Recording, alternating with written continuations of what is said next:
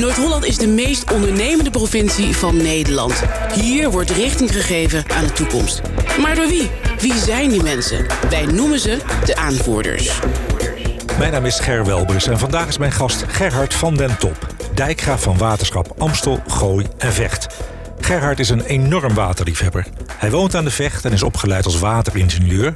En daarnaast is hij in Leiden gepromoveerd als milieudeskundige. Gerhard, welkom. En natuurlijk de eerste vraag. Wat houdt de functie van dijkgraaf precies in? Nou, een dijkgraaf is eigenlijk, zou je kunnen zeggen, een burgemeester van het waterschap. Dus uh, wij zijn uh, met z'n 21 in Nederland. En um, de waterschappen hebben gekozen besturen. Omdat we in Nederland een aparte waterbelasting hebben... moet je ook uh, mensen hebben die controleren wat wij met die belasting doen. En ik ben als voorzitter van dat gekozen bestuur... ervoor verantwoordelijk dat die besluitvorming op een goede manier gebeurt. En ik ben ook voorzitter van het dagelijks bestuur. Dat is eigenlijk het college van BNW, zoals je dat bij de gemeente hebt. Die zijn samen de, de bestuurders, de dagelijks bestuurders van het waterschap. En daar komen alle besluiten langs die vervolgens in het algemeen bestuur worden ja, worden bekrachtigd, zou je kunnen zeggen. Hoe groot is het gebied uh, wat onder jouw verantwoordelijkheid valt? Nou, in ons waterschap, uh, dat, dat, dat omvat uh, Amsterdam met een aantal omliggende gemeenten. Er wonen 1,3 miljoen mensen, 19 gemeenten zeg maar, in het Amstellandgebied en in de Vechtstreek. Zo moet je het eigenlijk een beetje samenvatten. En dan heb je nog in het Gooi, Hilversum, uh, Huizen, Blarikum, Laren, die gemeente. Dus dat is een beetje op, op hoofdlijnen de omvang van het gebied. Is het het grootste waterschap van Nederland? Nee, niet het grootste in, in oppervlakte. Wel een van de grootste in aantallen inwoners. En zeker ook, denk ik, uh, een van de grootste als het gaat om de totale waarde... die wij hier met ons waterbeheer veilig houden tegen overstroming. Want er staat natuurlijk in Amsterdam ongelooflijk veel cultureel erfgoed... ongelooflijk veel vastgoed ongelooflijk veel industrie en, en, en andere vormen van, uh, van economische infrastructuur. Uh, daarnaast hebben we hier ook nog het Nadermeer. Dat is toch ook een soort nationaal icoon waar we voor zorgen met elkaar. Dus het is een heel bijzonder gebied. Ik vind het wel het bijzonderste waterschap van Nederland, moet ik ja. zeggen. En eigenlijk misschien wel het mooiste, maar dat zeg ik alleen als ik in Amsterdam ben. ja, wat is het belang van een goede waterhuishouding? Je noemde net een aantal zaken als culturele, cultureel erfgoed beschermen, maar er is ongetwijfeld nog meer, hè? Nou, kijk, in essentie is natuurlijk het, het bijzondere van Nederland... is dat wij met uh, uh, bijna 7 miljoen mensen wonen in een gebied... wat eigenlijk onder water zou moeten staan. He, dat ligt in het overstromingsgebied van grote rivieren... die uit de Alpen naar Nederland stromen. En het ligt voor een belangrijk deel onder zeeniveau. Dus als wij niet echt investeren in de veiligheid van het gebied... dan is de rest eigenlijk gewoon niet mogelijk. En daarom is er ook in Nederland al heel lang eerst een waterbelasting... Daarmee zorgen we dat we hier überhaupt kunnen wonen en werken en recreëren. En daarna doen we alle andere dingen rond gezondheidszorg, onderwijs, infrastructuur, energie. En dat bouwen we op dat fundament van die waterschap en die waterschapsbelasting. Dus dat is heel mooi dat we dat hebben. En nog steeds heel erg actueel, denk ik. Zeker. En wordt de dreiging ook steeds groter met die klimaatverandering die op ons afkomt? Nou, het is natuurlijk voor ons als, als waterbeheerders een, eigenlijk een hele interessante tijd. Omdat de, de klimaatverandering ervoor zorgt dat alle statistieken van het verleden eigenlijk nu enigszins op losse schroeven staan. Want je ziet nu dat ons uh, regenvalregime uh, verandert. Hè. We krijgen veel meer, veel meer water nu binnen dan we dat in het verleden kregen. Uh, je, je ziet ook hemelwater. Je wilt dat, nou, dat is, er valt meer regen en het valt in veel kortere periodes. Dus je krijgt hele zware regenbuien die in korte tijd... een enorme bak water, een soort overstroming die uit de hemel valt... zou je kunnen zeggen. Vroeger kwam een overstroming kwam uit zee of uit een rivier... maar nu komt die ineens uit de lucht vallen. Deze zomer uh, ging de City Swim in Amsterdam niet door omdat we ineens na een lange periode van droogte... zo'n enorme bak water in de stad kregen. En toen stroomden de riolen over in de grachten. En dan kan je er niet meer in zwemmen. Nou, dat is een nieuw fenomeen. Dat we dat soort enorme buien hebben die niet in ons riool passen. Zo'n droogte als je deze zomer zag. Even, even over bij die regenbuien blijven. Ja. Dat zeg je, ja. dat is een nieuw fenomeen. Ja. Wat is daar tegen te doen? Want het zal niet minder worden, dat, dat soort zware regenbuien. Nee. Nou, er zijn eigenlijk... Uh, in het verleden hebben we altijd gedacht... dat we onze riolering moeten aanpassen. Nou, dan, dan krijg je een enorme grote riolering. Je moet een beetje vergelijken dat je de riolering zou dimensioneren... naar de files in de ochtend op de wegen. Dus dat je de wegen zo groot maakt dat je alle files uh, kwijt bent. En wat we dus doen is dat we die riolen niet zo groot moeten maken... om die buien op te vangen... maar dat we een stukje van die buien opvangen in de stad... in een soort sponswerking van de stad. Dus we gaan onze de daken anders maken. Hè. We maken polderdaken. Heb je hier in Amsterdam ook een aantal. Polderdaken? Een polderdak waar je eigenlijk een soort laagje sedum, hè, begroeiing op het dak zet. Met daaronder uh, plastic uh, bakjes waar het water in wordt opgevangen. Of waterverstragende groenstroken voor huizen waar ook water in wordt opgevangen. En daarmee wordt de piek van die afvoer lager. Dat is een groot voordeel. Maar ook heb je daarmee watervoorraad voor periodes dat het droger is. En in sommige van die polderdaken wordt zelfs groente gekweekt voor restaurants... die uit dat polderdak hun groente voor, het, uh, voor s'avonds op, op het bord serveren. Dus je krijgt ook in de stad een soort nieuwe vorm van gebruik van daken... door dit soort uh, ja. ja. vernieuwingen eigenlijk. En daarmee heb je dus ietsje minder uitbreiding van je riolering nodig... omdat je een stukje opvangt in het gebied. Ja, want je wilde net ook vertellen wat we natuurlijk ook recent hebben gehad, dat is die grote droogte.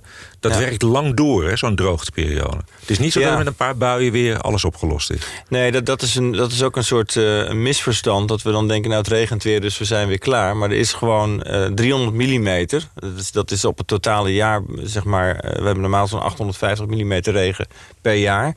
Als je 300 mm minder krijgt, is dat heel substantieel. En dat moet je dus overhouden. Dat moet in die bodem weer worden opgeslagen. En je ziet dus dat in grote delen van Nederland die achterstand er gewoon nog is. Want dat moet het heel lang, heel veel regen om dat in te halen. Dus Nederland begint in 2019 met een achterstand in onze zoetwatervoorraad. Waarom is dat zo bedreigend? Omdat we zoetwater, dat beseffen we eigenlijk niet. Hè? Je denkt, we zitten in een kikkerlandje, dus er is hier echt water zat. Maar wij, wij, hebben met elkaar ook te maken met zoutwater uit zee. Dat komt het land binnen als er te weinig zoetwater naar buiten loopt. En dat zoetwater hebben we nodig voor eigenlijk alles wat we hier doen. Dat is voor drinkwatervoorziening belangrijk. Dat is voor de landbouw belangrijk. Het is voor de koeling van onze energiecentrales en datacenters belangrijk. Het is belangrijk omdat we erover varen. Dat zie je nu op de grote rivieren. Dat heel lang het transport van bouwmaterialen over de rivieren moeilijk werd. Dus de bouw werd eigenlijk belemmerd door een gebrek aan aanvoer over de rivieren. Dus op allerlei fronten zie je, zie je terug dat wij enorm afhankelijk zijn... van die lifeline die de Rijn heet, die ons land inloopt uit de Alpen. Mm Ja, dus daar staat nog een hoop te gebeuren. Ook, hè. Vraagt het ook iedere dag dat je nieuwe inzichten ontwikkelt... Kijk naar oplossingen die elders ter wereld worden gevonden. Of zijn wij als Nederland eigenlijk wel de innovator achter alles wat met water te maken heeft? Komt alles hier vandaan wat we bedenken? Nou, Nederland is ontegenzeggelijk wel wereldkampioen waterbeheer. Dat is, uh, uh, wij, zijn, wij staan bekend uh, in heel veel landen als het land wat hier ontzettend veel van af weet. Door de nood geboren, want we wonen hier nu eenmaal op een plek waar je, waar je dat moet doen om te kunnen wonen en werken veilig. Tegelijkertijd is het natuurlijk niet zo dat, dat wij niets kunnen leren van anderen. Dus wij zijn ook veel aan het kijken in andere landen. Hè, in Singapore, waar ze ook bezig zijn met, met, uh, met heel zuinig waterbeheer. In Berlijn, waar al meer gebeurt... bijvoorbeeld aan de verwijdering van medicijnresten uit het water. We hebben in Nederland ook een probleem met mensen die thuis aan het genezen zijn van een ziekte... en dan krijg je medicijnen en die plas je weer uit in, in je toilet. En die komen dus in ons oppervlaktewater terecht. Want die halen we er niet uit in de zuiveringen nog, in onze waterzuiveringen. Ja, daar is ook een vraag, hoe gaan we dat de komende jaren aanpakken? En wat hebben we daarvoor over? Dat leren we ook weer van in Berlijn en van, van, van andere steden, van Parijs... wat ze daar aan het doen zijn. Um, en over die hele aanpak van, van grote regenbuien... zijn ook verschillende uh, beleidslijnen in verschillende landen. Dus we kijken ook van, zijn wij nou hier echt op zijn allerslimst bezig... of kunnen we nog van andere mensen ook iets leren? En ik heb maar het gevoel dat je verder komt... als je ook eens om je heen kijkt af en toe. Ja. Wat zijn dan voor ons, om toch even over ondernemen te hebben... interessante markten, als je kijkt naar de, naar de export van onze expertise op dat punt? Nou, Nederland is uh, op waterterrein best wel groot al internationaal. Als je kijkt naar de delta-technologie... Dat, gaat, dat is alles wat te maken heeft met hoe je een delta onderaan een rivier... Uh, beschermt tegen overstromingen en zorgt dat je daar effectief water gebruikt... heeft Nederland op dit moment al 40% van de wereldmarkt. En, uh, Kan je in dat in euro's uitdrukken ook? Waar praat je dan over? Ja, dat is nou de strikvraag waar ik niet, me niet op had voorbereid. Dus dat kan ik helaas niet zo eventjes uh, oplepelen. Uh, ik denk overigens dat, het nog, dat er best wel ruimte is om daar meer in te doen. Uh, want wij zijn natuurlijk op, op de wereldmarkt nog steeds uh, uh, ook echt de nummer één. En als je nog steeds 60% van die markt niet hebt... nou, dan kan je nog best wel een stukje groeien. Uh, maar ook op het gebied van watertechnologie, bijvoorbeeld voor drinkwaterzuivering of voor de distributie van water. We hebben in Nederland ontzettend goede drinkwaterbedrijven die heel goed presteren tegen een hele lage prijs. Dat weten wel veel mensen niet, maar onze drinkwaterprijs in Europa is in Nederland heel erg laag en de, de betrouwbaarheid is ontzettend hoog. Dus ook daarin kunnen wij nog heel veel doen in, in de zin van het bedrijfsleven, ook kansen bieden in het buitenland om daar ook de kennis te delen en uh, ja, en zaken te doen. Dus dat, uh, daar liggen nog wel kansen, denk ik. Ga je ook wel eens zelf uh, over de grens? kijken ergens? Nou, ik heb natuurlijk voordat ik dijkgraaf werd eigenlijk mijn hele leven in het buitenland gewerkt. Ik was hiervoor directeur van een internationaal drinkwaterbedrijf. De gezamenlijke BV van Vitens en Evides. Wij werkten in opdracht van banken in het buitenland om te zorgen dat daar drinkwatervoorziening uit kan breiden. De steden in de hele wereld breiden ontzettend snel uit. Dus je moet daar ook zorgen dat mensen drinkwater en sanitatie kunnen krijgen. Um, en zo, uh, ja, zo, zo heb ik ook daarvoor bij het Wereld Natuurfonds... en daarvoor in de Universiteit van Leiden waar ik heb gewerkt... en bij Shell heel veel gezien van wat er internationaal speelt op dit uh, terrein. Uh, en nu in mijn huidige rol um, is dat iets minder... omdat mijn rol vooral op Nederland is gericht. maar ik ben wel net gevraagd om zitting te nemen in een internationale waterprijs in Singapore. De Lee Kuan Yew Water Prize. Dat is een van de grootste, nou ja, meest gerenommeerde prijzen als het gaat om... Uh, als je iets goed voor het water doet, dan uh, krijg je die prijs. En een andere rol waar ik uh, nu net voor ben gevraagd... daar ben ik ook net voor naar China geweest is om uh, toe te treden tot een soort adviesraad voor de stad Shanghai. Want de stad Shanghai, daar wonen overigens 30 miljoen mensen. Eventjes om de schaal naar Amsterdam ja. te vergelijken. Daar hebben ze eigenlijk precies dezelfde thematiek. Liggen aan zee hebben een rivier die door de stad loopt... hebben grote behoefte aan zoet water, zien ook de zeespiegel stijgen. Hoe gaan we daar nou mee om? En hoe kunnen we daar uit Amsterdamse ervaringen dingen in, in, in Shanghai uh, brengen? En ook van Amsterdam uh, leren hoe het in Shanghai wordt aangepakt. Dus vanaf volgend jaar zal ik ook af en toe naar Shanghai moeten... om te kijken wat men daar doet en wat we daar in Amsterdam mee zouden kunnen. En die problematiek is vergelijkbaar met de metropoolregio Amsterdam. Ja. Is het alleen daar 15 tot 20 keer groter? Of zijn er ook nog andere dingen die erbij komen kijken? Nou, wat, wat sowieso natuurlijk uh, dingen heel anders maakt... is dat je in, uh, in Shanghai op een totaal andere manier de dingen organiseert dan in Nederland. Kijk, we hebben in Nederland een, een, een, een heel bottom-up-achtige overheid. Wij luisteren heel goed, wij werken heel goed samen met mensen. Wij kijken in wijken wat daar kan gebeuren. Dat is ook een, een van de belangrijkste uh, bouwstenen van Amsterdam Rainproof. Dat is zo'n programma waarmee we in Amsterdam bezig zijn om mensen te mobiliseren... om zelf dingen te doen aan die klimaatadaptatie. En de, de, het motto is every drop counts. Iedere druppel telt. Dus wij, wij zorgen dat burgers gewoon zelf, mensen zelf stapjes zetten... en niet meteen zeggen, nou het moet zo. Nee, elk stapje wat jij doet, of nou een regenton is... of dat je je tuin wat minder bestraat... of dat je in je wijk iets doet aan, aan een speelplein... Dat, dat telt allemaal mee. Dus wij werken heel erg vanuit initiatief van mensen. En in Shanghai worden veel meer dingen vanuit grote masterplannen bedacht. Uh, dus daar, daar, daar, daar kun je gewoon iets van leren in de zin dat wij voor, denk ik, ook Amsterdam moeten nadenken hoe dit nou allemaal optelt. Hè. Dus al die individuele uh, stapjes levert het nou at the end of the day op wat het moet opleveren. Maar vanuit Shanghai hebben ze natuurlijk ook behoefte om te, om te zien hoe wij met die wijken en met die communities, die gemeenschappen, stappen zetten om te zorgen dat mensen ook hun eigen verantwoordelijkheid nemen. Dat niet alles op de staat wordt afgewenteld. Dus op dat proces is heel veel te leren. En een ander ding wat heel interessant is, is de vergelijking tussen de haven van Shanghai en de haven van Amsterdam. In onze haven liggen heel veel vitale uh, functies. Hè, de telecom, de elektriciteitsvoorziening, de brandstofvoorziening van heel Noord-Holland wordt hier uit deze haven in Amsterdam uh, voorzien. Als wij hier een overstroming hebben in de, in, in de haven van Amsterdam, dan valt dus de hele rampenbestrijding stil. Dus we hebben een hele studie gedaan over wat je nou moet doen om die vitale functies te beschermen tegen overstromingen. Wat is er dus, zo uitgekomen aan grote maatregelen die je dan moet nemen? Nou, er liggen natuurlijk, je kunt daar allerlei, uh, je kunt daar heel veel geld in investeren. Je kunt ook kleine stapjes doen. Maar een van de dingen die bijvoorbeeld heel belangrijk is, is dat als jij uh, uh, bijvoorbeeld een, een opslagtank hebt voor, voor brandstof. En de motoren van dat, van dat pompsysteem zitten onder de grond of onderaan. Dan is er maar 30 centimeter water nodig en dan valt dat ding stil. Terwijl als je die, als je die, die, die motoren boven op die, op die tank zou zetten, dan heb je ineens een paar meter meer ruimte hè, om bij een overstroming nog te kunnen functioneren. Dat is een hele praktische. Dat is een voorbeeld. Of een ander voorbeeldje ja. is dat je moet zorgen dat je als er 30 centimeter water in een haven ligt, dat je nog weet waar de weg loopt. Dus dan moet je zorgen dat je overal vlaggetjes langs de weg hebt staan, zodat je met een, een, een, een reddingsauto, met een legervoertuig kan komen bij de plek waar je wil zijn. Dus het zijn soms gewoon hele praktische dingen die je moet doen. Uh, want dat is natuurlijk een van de bijzondere verworvenheden... waar we ook wel een beetje mee moeten uitkijken. Omdat het zo ongelooflijk goed geregeld is in Nederland... denkt niemand er meer over na. Dus we moeten eigenlijk een stapje gaan zetten de komende jaren van... het is fantastisch dat het zo goed geregeld is. Het is een heerlijk land en dat blijft het ook. En daar zorgen we ook voor. Daar is die waterschapsbelasting voor. Daar zijn die verkiezingen ook voor straks. 20 maart, hè? allemaal naar de verkiezingen, hoop ik. Het zou mooi zijn als we daar weer nieuwe bestuurders... met nieuwe passie en nieuwe energie voor ons in ons bestuur krijgen. Maar we moeten wel zorgen dat mensen ook hun eigen verantwoordelijkheid blijven zien. En ook verantwoordelijk zich voorbereiden op zo'n situatie die toch een keer kan gebeuren. Ook al doen we er alles aan. Je zegt het al, de waterschapsverkiezingen. Uh, waarom zijn die zo belangrijk? En de tweede vraag ook, wat is er te kiezen? Want ik denk dat bij veel mensen het besef er niet is... waarom er verkiezingen zijn rond de waterschap. Nou, de, de, eerste vraag die, zal ik maar eerst beantwoorden. Waarom zijn er verkiezingen? Nou, omdat we een aparte waterbelasting hebben.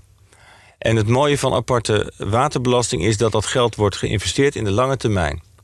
Dus wij investeren nu voor het waterbeheer van de komende 30 tot 50 jaar.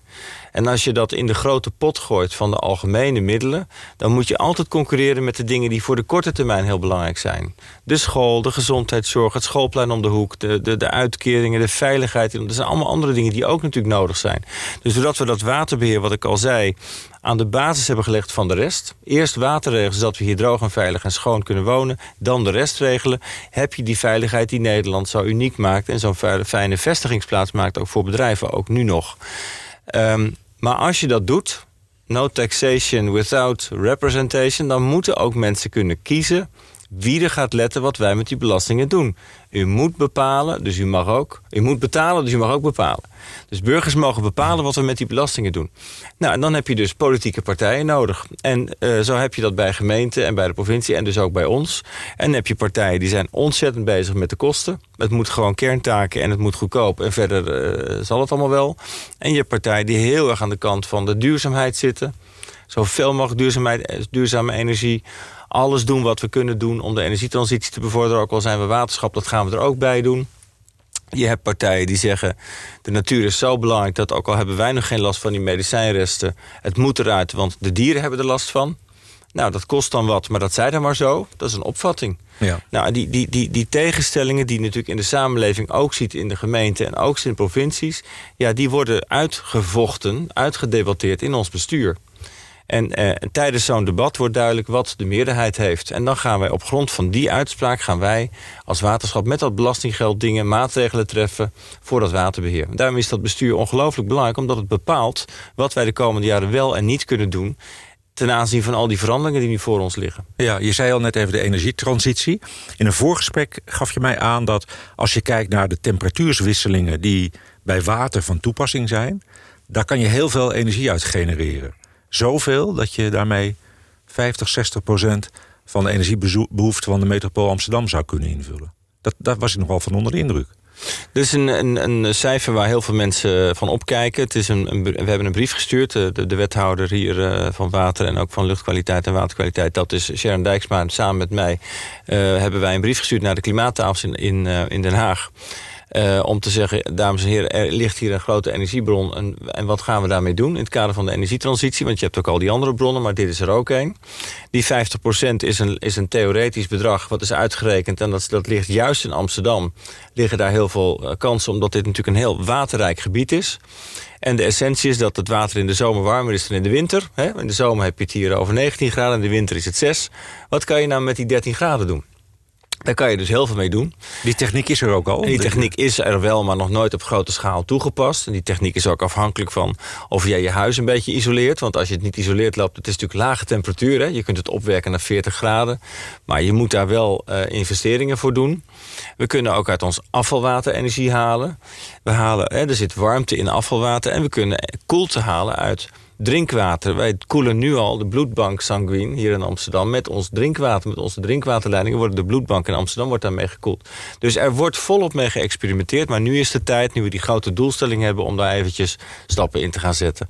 En het waterschap gaat dat natuurlijk niet zelf doen... maar we kunnen wel faciliteren dat het mogelijk wordt in deze mooie stad. Ik vind dat je heel mooi en bevlogen kan praten over water. Als je kijkt naar de kwaliteit van ons water nu... is die kwaliteit beter dan bijvoorbeeld 20 jaar geleden?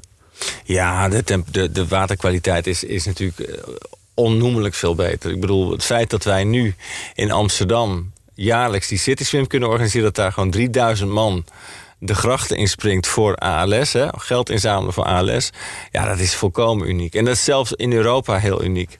En dat is echt gewoon de credit van ons waterbeheer, dat we dat voor elkaar hebben gekregen samen. En het kan natuurlijk nog een stuk beter, daar gaan we ook, blijven we ook aan werken, het is nooit klaar. Maar er is de afgelopen jaren ontzettend veel gebeurd en dat zeg ik er dan meteen maar bijna allemaal jaren in het buitenland. We mogen ons gelukkig prijzen met zo'n mooie overheid in dit land.